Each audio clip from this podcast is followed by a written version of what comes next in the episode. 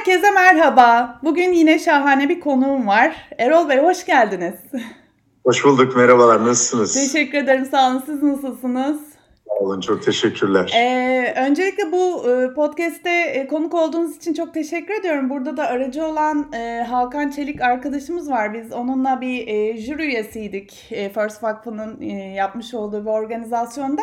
Oradan çıktı sohbet. Gıyabında burada da kendisine teşekkür etmek istiyorum. Ee, ama öncelikle sizi kendinizi tanıtmanızı rica edeceğim. Peki. Zor tabii bu. Kendimi tanıtma faslı genellikle zor oluyor. Erol Özgüner e, benim ismim ve soyadım. E, Büyükşehir Belediyesi'nde Bilgi İşlem Daire Başkanlığı görevi yapıyorum İstanbul'da. Ama ben CIO ünvanını kullanmayı daha çok seviyorum. Çünkü o çok formal kalıyor gerçekten. Şu anda 51 yaşındayım. E, elektronik haberleşme mühendisiyim. 18 yaşında bir kızım var. E, belediyeden önce e, kendime ait bir şirketim vardı. Yıldız Üniversitesi Davutpaşa Teknopark'ta. E, büyük veri ve veri analitiği üzerine çalışıyordum. Ondan önce de yaklaşık 16 yıl Turkcell'de e, çalıştım. 30. yıla doğru yaklaşıyoruz sektörde e, deneyim olarak. Hep haberleşme, elektronik ve IT dünyası üzerine geçti. E, çünkü teknoloji de bu arada çok değişti. 30 yıl önceye gittiğimiz zaman e, bilgisayarların olmadığı dönemlere kadar geliyoruz yani neredeyse veya internetin olmadığı döneme doğru gidiyoruz. Ee, onun için hani e, bu teknolojik değişim doğal olarak o teknoloji tanımlarını ve birbiri ardına gelen dikey tanımlamaları da beraberinde getirdi. E, çok kısaca ve özetle böyle anlatabilirim kendimi. Çok teşekkür ederim. Bir şey eklemek istiyorum. Aslında hem ben merak ediyorum hem dinleyicilerimize özellikle bunu vurgulamak istiyorum. Yani dijital dönüşüm, dijital yetkinliklerimizi geliştirdiğimiz ve belli işte veri analizi, veriyi yorumlama, bununla ilgili dijital teknolojileri takip ediyor ama sizin bir geçmişinizde gerçekten farklı e, iş deneyim ortamlarını gerçekleştirdiğiniz yerden bazı başka yetkinlikleriniz de var ki sizi bu konuma getirdi. Biraz onlardan bahsedebilir misiniz? Ee, yani genel olarak teknoloji ekiplerinin yönetimi açısından belki konuşmak lazım. Teknoloji dünyası çalışanları çok analitik insanlar. E, matematik yetkinlikleri yüksek, mühendislik yetenekleri yüksek. Ama hep böyle olur ya vücudun bir organı ve bir, bir kas grubu gelişiyorsa diğer taraf biraz zayıf kalabiliyor gibi. Teknoloji dünyası çalışanlarının da genel olarak söylüyorum. Burada herhangi bir kişi veya gruba dair bir tanım değil ama teknoloji dünyası çalışanlarının genellikle sosyal anlamda gelişme ihtiyaçları var. O yanları biraz e, maalesef ortalamanın altında kalıyor. Bu tabii birlikte çalışabilme, takım olabilme, takım oyunu oynayabilme, hedefe ulaşırken bir diğer arkadaşına el verme ve onlarla bir engelleyen bir unsur olarak karşımıza çıkabiliyor. Ee, böyle olduğu için bu yönü de kuvvetli e, insanlar açıkçası bu grubun içinde öne çıkıyor ve yönetsel yetkinlikleriyle öne çıkıyor. Ben e, Türkcell'de çalışırken 6. yılımdaydı. Uzmanlaşma mı yoksa yönetsel seviye mi diye böyle bir ayrıma geldim. Ee, orada ben yönetsel yetkinliklerimin gelişeceğine inanıyorum ve kuvvetli olduğuma inanıyorum. Bu tarafa doğru gitmek istiyorum dedim. Sene 2006 idi. Oradan bu yanadır e, yöneticilikle e, ilgileniyorum ve teknoloji ekiplerini yönetiyorum. Çok kolay e, değil. Hep büyük gruplarla çalıştım. Büyük bütçelerle e, çalıştım. Onları yönetmenin kendi içinde ciddi zorlukları var tahmin edebileceğiniz gibi. Bir de az önce söylediğim tanıma sığan insanları aslında bu aynı hedefe inandırıp koşturmak önemli bir emek istiyor. Bu anlamda bu işi başarılı yapan çok arkadaşım var. Onların hepsini de buradan e, sevgiyle selamlıyorum. Çünkü fark yaratıyor bu insanlar gerçekten. E, ben de kendimi kısmen o grubun içinde görüyorum açıkçası. E, farklı e, deneyimleri de tatmış biri olarak söylüyorum bunu. Çünkü kamu zor, kamuda çalışmanın kendi içinde mevzuatsal e, süreçlere dahil olma ve takip etme zorluğu açısından zorlukları var. Kamunun özellikle bu günümüz dünyasında teknoloji çalışanlarına ödeyebildiği maaşlar anlamında baktığınızda özel sektörle rekabet edebilme gücü neredeyse yok. Dolayısıyla o insanları, o fedakar insanları elde tutma ve bünyeye katabilme ile ilgili başka zorlukları var. Bu bizim ciddi e, zorluklarımızdan aslına bakarsanız. Öte yandan kendi işinizin sahibi olduğunuzda orada böyle amiyane tabirle tekeri çevirebilmek için çok ciddi bir efor harcamanız gerekiyor ve kendinizden de çok ciddi bir emek koyuyor olmanız gerekiyor. Bu emek hem fiziksel hem finansal hem de manen bir emek. Onun kendi içinde çok ayrı zorlukları var. Özel sektör çok ayrı dinamikleri olan, çok kabaca da yarını olmayabilir diye tanımlanan e, bir e, keskin bir yüzü var. Dolayısıyla bu yani çalışma hayatının hemen hemen her aşamasında bulunmuş biri olarak o zorlukları ve oradaki keyiflerin tamamını tattım açıkçası bugüne kadarki süreçte. O anlamda da kendimi kişisel olarak e, çok zengin hissediyorum gerçekten. Çünkü bu deneyim silsilesi e, önemli bir e, tecrübe getiriyor size. Özellikle benim de yaptığım iş dolayısıyla vurgulamak istediğim şeyin çok güzel bir örneği oldu açıklamalarınız. Yani dijital dönüşüm dediğimiz şey teknolojiyi dönüştürmek değil. Yani bu farklı yetkinlikleri ortaya çıkarmak. Sizin bunu kendinizi keşfetmeniz ve bunun için ortam yaratılması ve deneyimlerin paylaşıldığı ortamların yaratılması çok çok önemli. Bu podcast'i dinleyenler de umarım aynı farkındalıkla devam ederler. Bu podcast özellikle sizinle çekmek istememin şeyi biz akıllı şehirlerden bahsediyoruz dijital dönüşümde ve bu akıllı şehirlere geçiş için tamam tamam teknolojiyi bir şekilde kullanıyoruz ama farklı yetkinliklerimizi geliştirmemiz lazım. Yani veriyi nasıl anlayacağız? Veri nedir?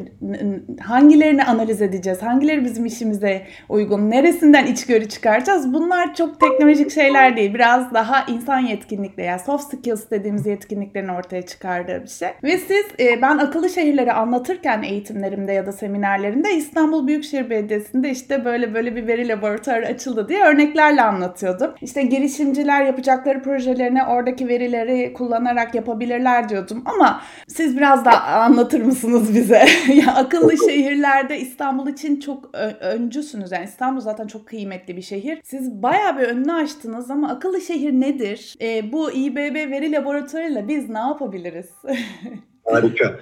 Bence en doğru soru akıllı şehir nedir oldu. Diğerleri de doğru tabii lütfen şey olmasın ama çünkü bu tanımı çok yorduk biz ve biraz da kirlettik açıkçası.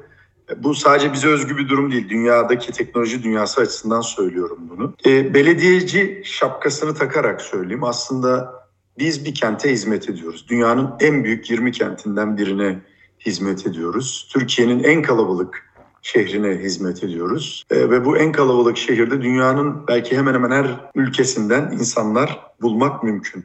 Türkiye'nin 81 ilinden insanlar bulmak mümkün. Dolayısıyla akıllı şehir teknolojilerini aslında insan hayatına katma değer sağlayan, onun yaşam kalitesini yükselten teknolojiler bütünü olarak bakıyoruz. Bu bir belediyecilik gözüyle tanımdır. Bu tanımı insan hayatının yaşam kalitesini yükseltmek değil de bu bir fabrika ise üretimin kalitesini yükseltmek derseniz fabrika için akıllı teknolojiler tanımına gelmiş olabilirsiniz. Üretim tesisleri için keza. Ama ben günün sonunda end user dediğimiz o son kullanıcının vatandaş olması, vatandaşın işlerinin kolaylaşması, onun hayatının yaşam kalitesinin artmasını çok önemsiyoruz. Dolayısıyla yatırım yapmış olmak için değil ama orada gerçekten bir böyle yapıyoruz. Şimdi bu tanımı genişletip şehirler nasıl akıllı olabilir diye düşündüğümüzde de aslında teknolojik olarak bir aklın bir şehre gelmesi için önce yeterli bir altyapınızın olması gerekiyor. Altyapı dediğimiz zaman hani atamız demiş ya e, demir ağlarla ördük yurdu diye. Biz de fiber ağlarla örmemiz gerekiyor. Çünkü bugün dünyasının e, internet olmazsa olmazımız, cihazlar arası haberleşme olmazsa olmazımız ve bunun sağlayanı da en temelde bir fiber optik haberleşme. Dolayısıyla çok iyi bir, çok güçlü bir fiber altyapınız olması gerekiyor.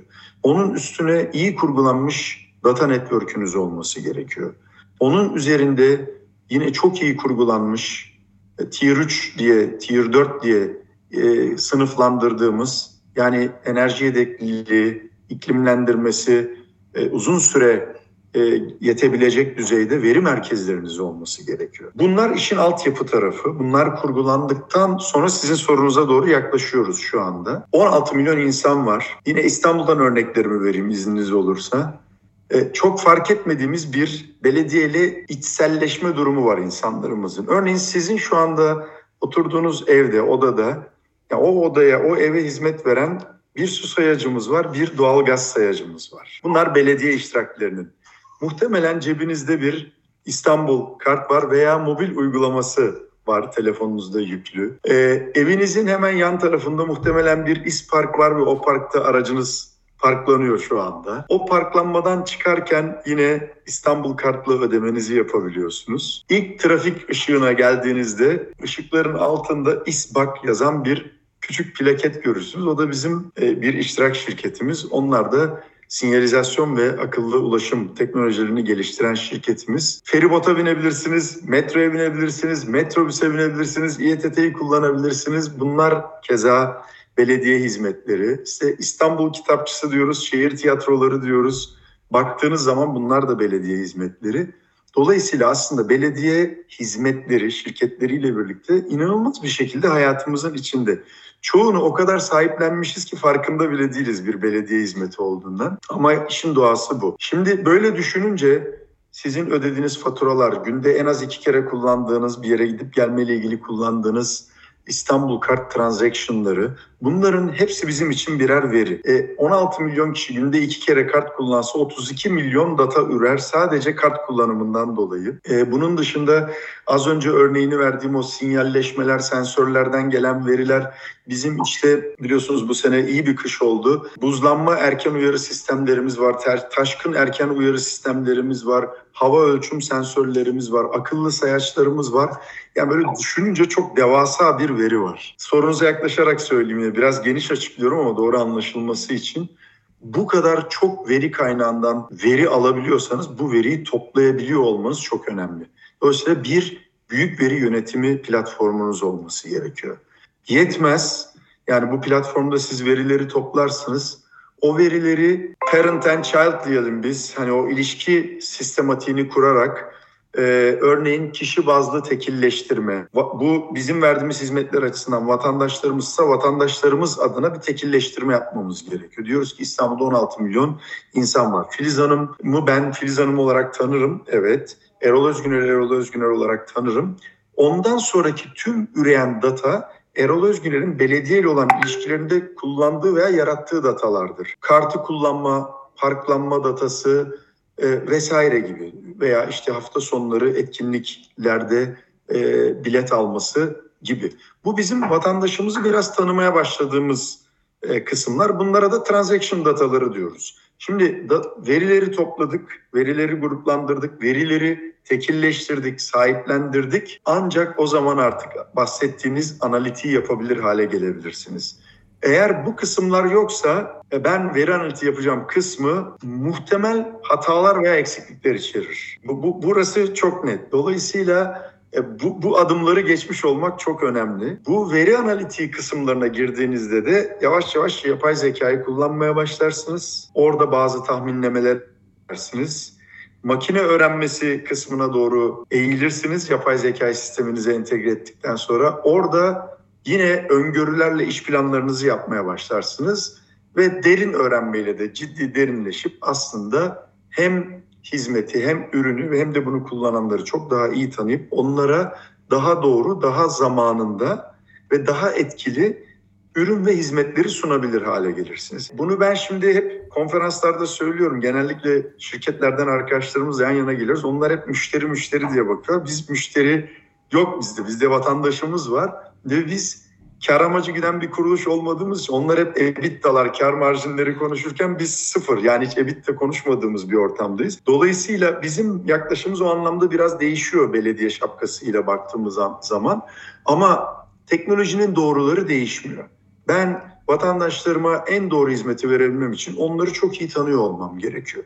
Hangi ilçede otururlar, hangi mahallede otururlar, hangi sokakta otururlar, bu sokağın realiteleri nelerdir? Haftada bir gün pazar olan bir sokağın çöplerinin toplanması, o çöplerin katı atık yakın merkezine giderilmesi, oradan bir enerji üretilmesine kadar giden zincir var. Bu zinciri tamamlayabiliyor olmak gerekiyor. Dolayısıyla o süreçleri hani verinin toplanmasından verinin yönetilip servise, hizmete ve ürüne döndüğü noktaya kadar giden bir bütün olarak bakmak gerekiyor. Aslında bu hani fiberden başlayıp size sunduğumuz ve sizi memnun edecek hizmetin sizin e, kullanımınıza sunulmasına kadar geçen sürecin tamamını bir dijital dönüşüm hikayesi olarak toparlayabiliriz öyle söyleyeyim.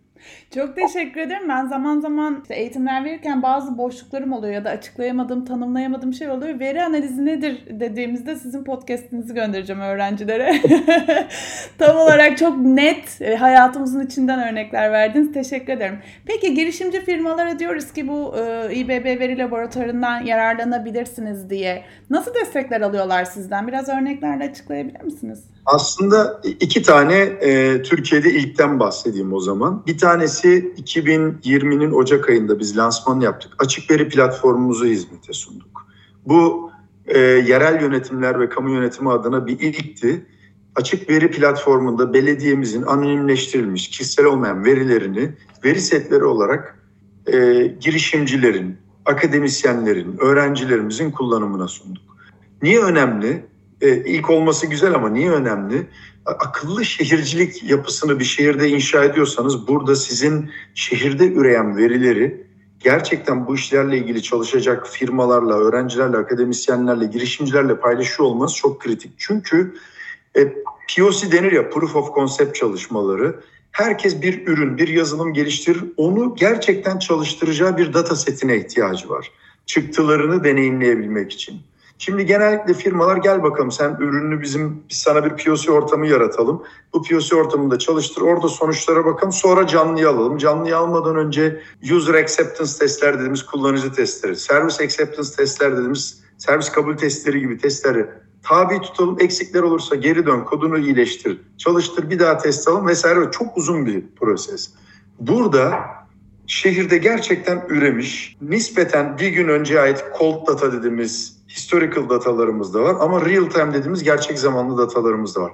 Bunu üretiyorsa arkadaşlarımız, bu yazılımın peşine koşuyorlarsa hızlıca deneyimleyebilecekleri, hiçbir kimsenin testine tabi olmayacakları, kendilerinin bakıp yorumlayabilecekleri bir platform yarattık. E, iki yılda 40 milyon ziyaretçi aldı burası. İnanılmaz.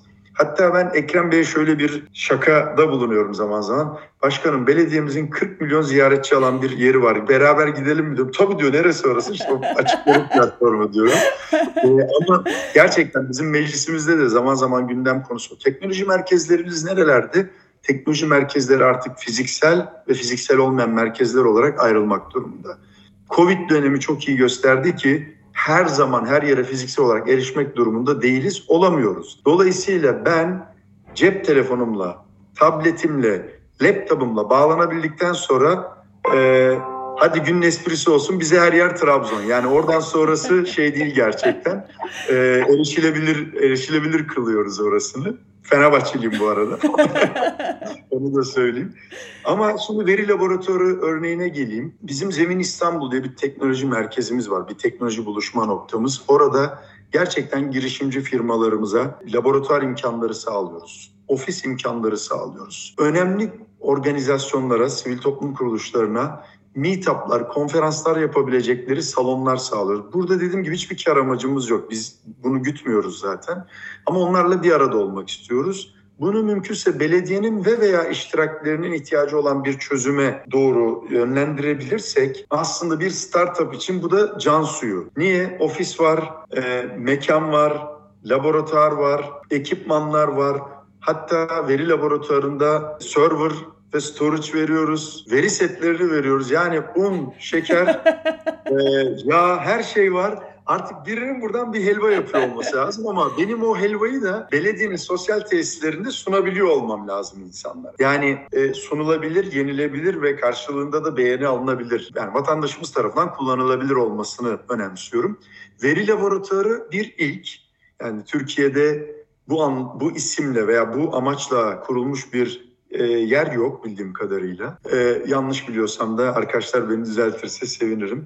Ama burada gerçekten veriyi hedef. Gerçekten sadece veri analizi, veri analitiği, veri bilimi e, üzerine çalışan şirketler, akademisyenler, gençler, buralara meraklı insanlar, sivil toplum kuruluşları, organizasyonlarla bir araya gelmek, onlarla beraber üretebilmek, onların üretebilmelerine imkan sağlayabilmek üzere kurduk. Ee, bir yan bloğu bizim veri merkezimiz zaten. Dolayısıyla aslında Başakşehir'deki yapılanmamız gerçekten İstanbul İstanbul'un ve İstanbul Büyükşehir Belediyesi'nin veriyle ilgili bir üssü, teknoloji üssü haline geldi. O yüzden çok önemsiyoruz ama dediğim gibi unu, şekeri, yağı hepsini veriyoruz biz.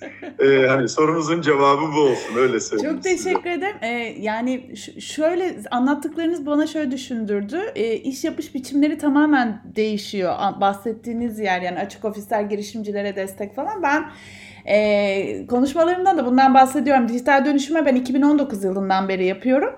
E, bir firma aramıştı. Ben İzmir'deyim. İzmir merkezliyim bu arada. Bir firma aradı beni. Bursa'dan dediler ki Filiz Hanım dijital dönüşüme geçeceğiz. Gelir misiniz toplantıya? Ben de şey demiştim. Toplantıya gelmiyorum. Dijital dönüşüm için online yapıyoruz toplantıyı. Şu an sizinle yaptığım podcastler gibi. Bir daha beni aramadılar. Yani hani anlayamamışlardı. Onun üzerine işte pandemi oldu ve ben de şu an mesela sizinle online yapıyorum bunu. İş yapış biçimleri değişti işte o sunduğunuz ortamlar geleceğin iş yapış biçimleri zaten. Yani tamamen oraya gidiyor. O nedenle yapmış olduğunuz şey sadece bir teknolojiyi açmak ya da veriyi paylaşmak değil tamamen şehrin çalışma alanlarını da şekillendiriyorsunuz evet. aslında. Evet. Bunların hepsi birbirine çok bağlı şeyler. Çok teşekkür ederim. Harika bir örnekti. Diğer şehirlere de örnek ol, oluyorsunuzdur. Bilmiyorum diğer şehirlerle beraber hani bu yapılanmayı çalışıyor musunuz? Büyütecek misiniz? E şöyle e, mesela İzmir e, açık veri platformu yayınlarken onlara ciddi destek olduk. E, çünkü bir deneyimimiz vardı onu onlarla paylaştık. E, Balıkesir de çok değerli bir arkadaşımız, kardeşimiz var. O da bilgi işlem daire başkanı orada İlker Bey. Kulakları çınlasın. Onlar bir açık veri platformu e, hazırlığı yaptılar. O noktada kendileriyle görüşme imkanlarımız oldu. E, şimdi Tekirdağ ve Çanakkale için bir hazırlık yapıyoruz. E, bu arada bizim Balkan ülkeleri platformumuz var. E, Atina, Selanik, e, Sofya, Köstence, Tiran, Priştine, Üsküp aşağı yukarı 24 tane belediye var. Şimdi onlarla bir ortak açık veri platformu e, geliştiriyoruz. Onları onları da çok heyecanlandırdık bu anlamda. Onların datasetlerin hazırlığı ve hukuki altyapısının e, düzenlenmesi noktasını e, konuşuyoruz.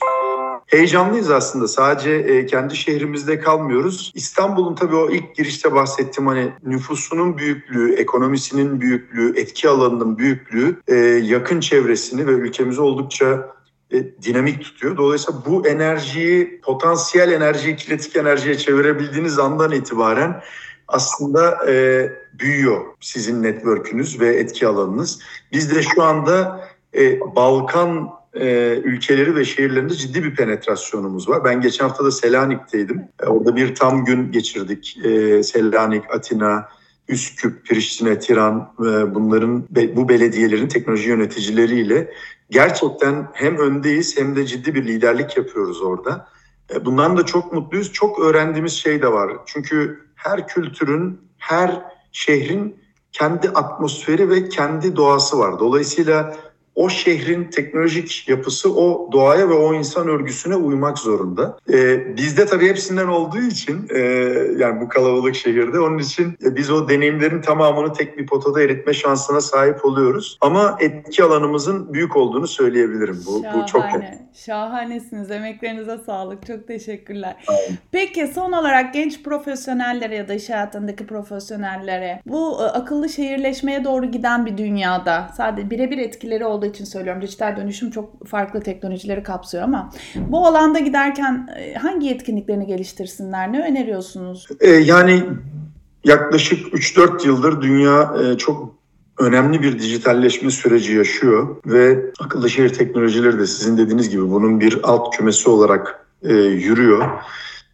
Ben e, teknoloji eğilimi olan arkadaşlara çok net bir şekilde yapay zeka ve makine öğrenmesi üzerine emek harcamalarını, zaman geçirmelerini, istatistik biliminin önemli bir bilim olduğunu aslında hani ne istersiniz denir ya yani o, o değil o kötüye kullanımı ama öyle değil. Gerçekten çok eğitici, öğretici ve önceden aslında gelen yani sonradan olabilecek birçok şeyi önceden fark edebilme ve olmadan önleyebilme veya doğru hizmetleri, ürünleri, servisleri sunabilme ile ilgili çok ciddi, çok ciddi veriler elimizde var ve yeter ki bunu e, kullanabilelim ve görebilelim. Çünkü bunun sağlık alanında kullanımı var, çevre kirliliği adına kullanımı var. Dünya biliyorsunuz hızla karbon free bir hale gelmeye çalışıyor. Çünkü fosil yakıtlarla yürüyemeyeceğimizi göre, görüyoruz. Onun için e, farklı teknolojilere doğru yönelmeye çalışıyoruz. Sonuçta kaynaklarımız sınırlı. Bu sınırlı kaynakları sürekli artan bir nüfusla yönetebilmek mümkün değil. Yani paydayı bundan 10 yıl önce 6 milyar gibi düşünün. Bugün 8 milyar. 10 yıl sonra 10 milyar. Yani bu size düşen payın azaldığını gösteriyor. Dolayısıyla bu kaynakları efektif kullanabilmek gerekiyor. Onları yapabilmek için bu kadar kalabalık bir dünyada bu kadar büyük bir veri e, miktarını sahip olup yönetebilmek için insan aklı maalesef yeterli olmuyor. O çok çok beklenen bir şey. Dolayısıyla sizin insan aklıyla o büyük veriyi yönetebilecek teknolojiyi yönetecek, kurgulayacak bir aklı oraya kullanmak gerekiyor. Onun için yatay zekadan yapay zekaya doğru gidiyor olmamız gerekiyor. Bu çok önemli.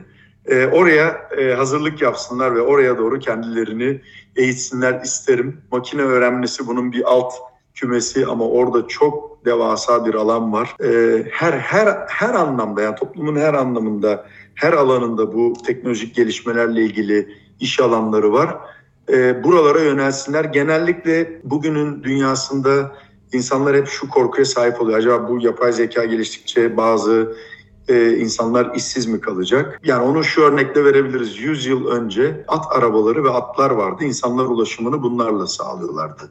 O, o dönem at bakımı çok kıymetli bir şeydi. Bugün çok lüks ve özel bir şey haline geldi. Çünkü yok yani faytonlar haricinde bir kullanım söz konusu değil. Her çağ, her e, dönem kendi gerekliliklerini getiriyor ve o gerekliliklere yakın sayan insanlar bunu sahiplenip o dönemin gözde mesleklerini yerine getiren ve bu anlamda da önemli insanlar pozisyonuna geliyorlar. Teknolojiyi ıskalamamak lazım hasılı. Buna yakın sayan insanların yarınki hayatları ve gelecekleri parlak olacak. Onun için e, öngörüsel yaklaşıp teknoloji nereye gidiyor'a bakıp oraya doğru kendilerini eğitmeleri oldukça önemli.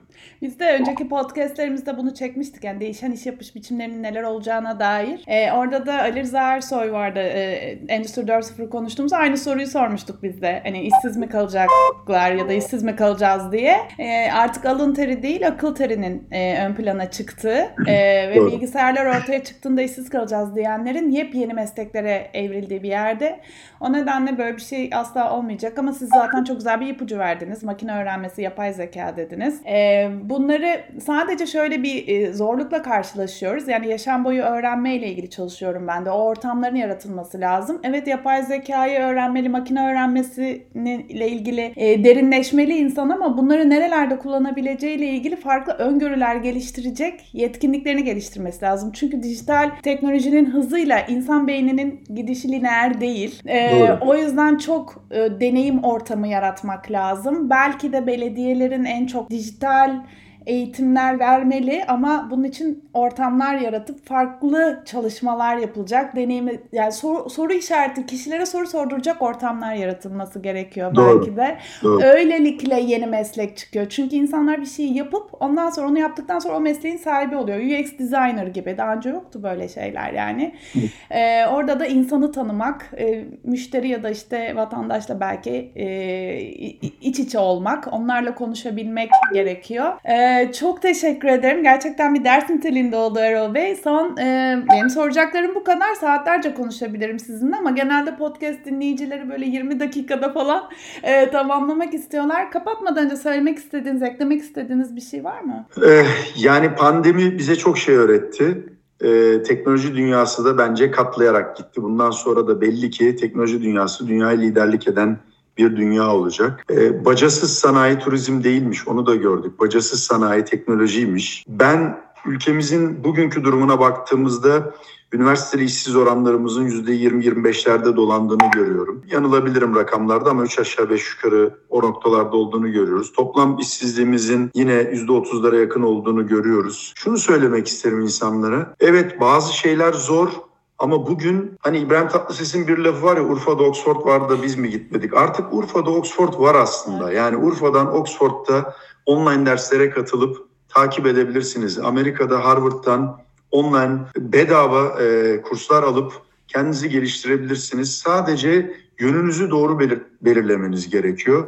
Yoksa e, rotası belli olmayan gemiye hiçbir rüzgarın faydası yok. Yani siz orada kayboluyorsunuz okyanusun ortasında. Bunun böyle olmaması gerekiyor. Gençlerimize özellikle ya mutlaka ve mutlaka teknolojiye yakınsayın. Hani benim elime bir kızılcık sopası verseler amiyane tabirle bir yılı geçmiş mezuniyetimin üzerinden ve hala iş bulamamış bütün arkadaşları yazılımcı, front-end developer, e, network engineer yapabilmek için gerçekten oturun buraya bir yıl boyunca eğiteceğiz sizi. Bir yıl sonra dışarı çıkacaksınız ve teknoloji üreten insanlar olacaksınız. Çünkü ülkemizin içinde bulunduğu ekonomik dar boğazdan kurtulmamız için ve bu işsizlik ortamının sona ermesi için şu anda çok ucuzlamış bu iş gücü ve işlenmeye hazır beyinleri teknolojik ortama yönlendirip bunları bir üreten kaynak haline getirmemiz gerekir. Bunu yaptığımız gün ülkenin kaderi değişir. Size çok net söyleyeyim. Artık e, yüksek öğretim kurumunun da doğru planlamalar yapıp dışarı çıktığında %90'ı iş bulamayacak öğrencilere dair bölümlerin kapasitelerini azaltıp tamamen ihtiyaç olan alanlara doğru gitmesi lazım. Dünyanın şu anda teknoloji üreten insan sayısıyla talebi arasında iki kata üç kata yakın fark var.